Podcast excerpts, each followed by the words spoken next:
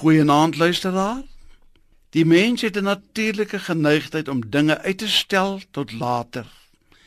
Die ou mens het altyd gesê dat van uitstel kom afstel.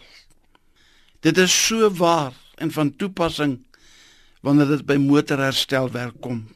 Ek sal later die probleem ondersoek. Ek sal later die skottelgoed gaan was. Ek sal later dokter toe gaan. Ek sal later aandag gee aan my kind se probleem. Ek sal later my korrespondensie op datum kry en so hoop die werk op wat eintlik afgehandel behoort te wees aan die einde van 'n dag.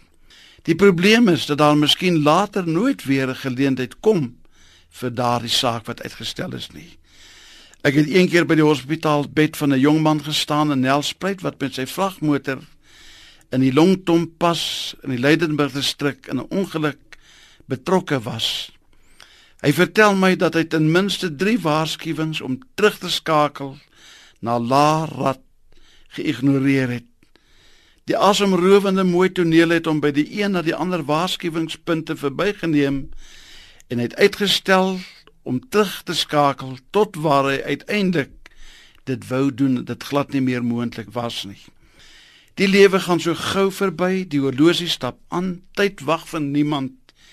Iemand het iets gesê eenmaal wat my baie diep tot nadenke gestem het hy gesê het hy het nou al soveel begrafnisse bygewoon dat hy meer mense ken aan die ander kant van die ewigheid as aan hierdie kant van die ewigheid. Luisteraar, ek dink nie daar moet uitgestel word om dit wat die moeite werd is te doen nie. Kom ons skryf nou die ou briefie. Kom ons vergewe nou. Kom ons spreek nou vry. Kom ons gee nou die erkenning en spreek die waardering uit wat ons dikwels so nodig het.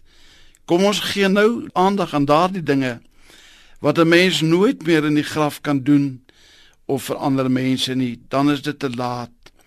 Wanneer 'n motor 'n verhouding, 'n dringende finansiële saak ensovoorts aandag moet kry, moenie versuim nie.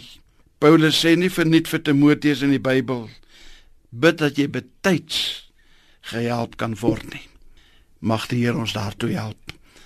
Hemelse Vader, ons kom na U toe in diepe afhanklikheid en ons vra vir U om ons te lei en te help om die geleenthede tot ons beskikking aan te gryp en dit toe te pas op die regte oomblik terwyl dat nog die gunstige tyd is. Leer ons en gee ons die genade om nie in die groef van uitstel te verval nie. Amen.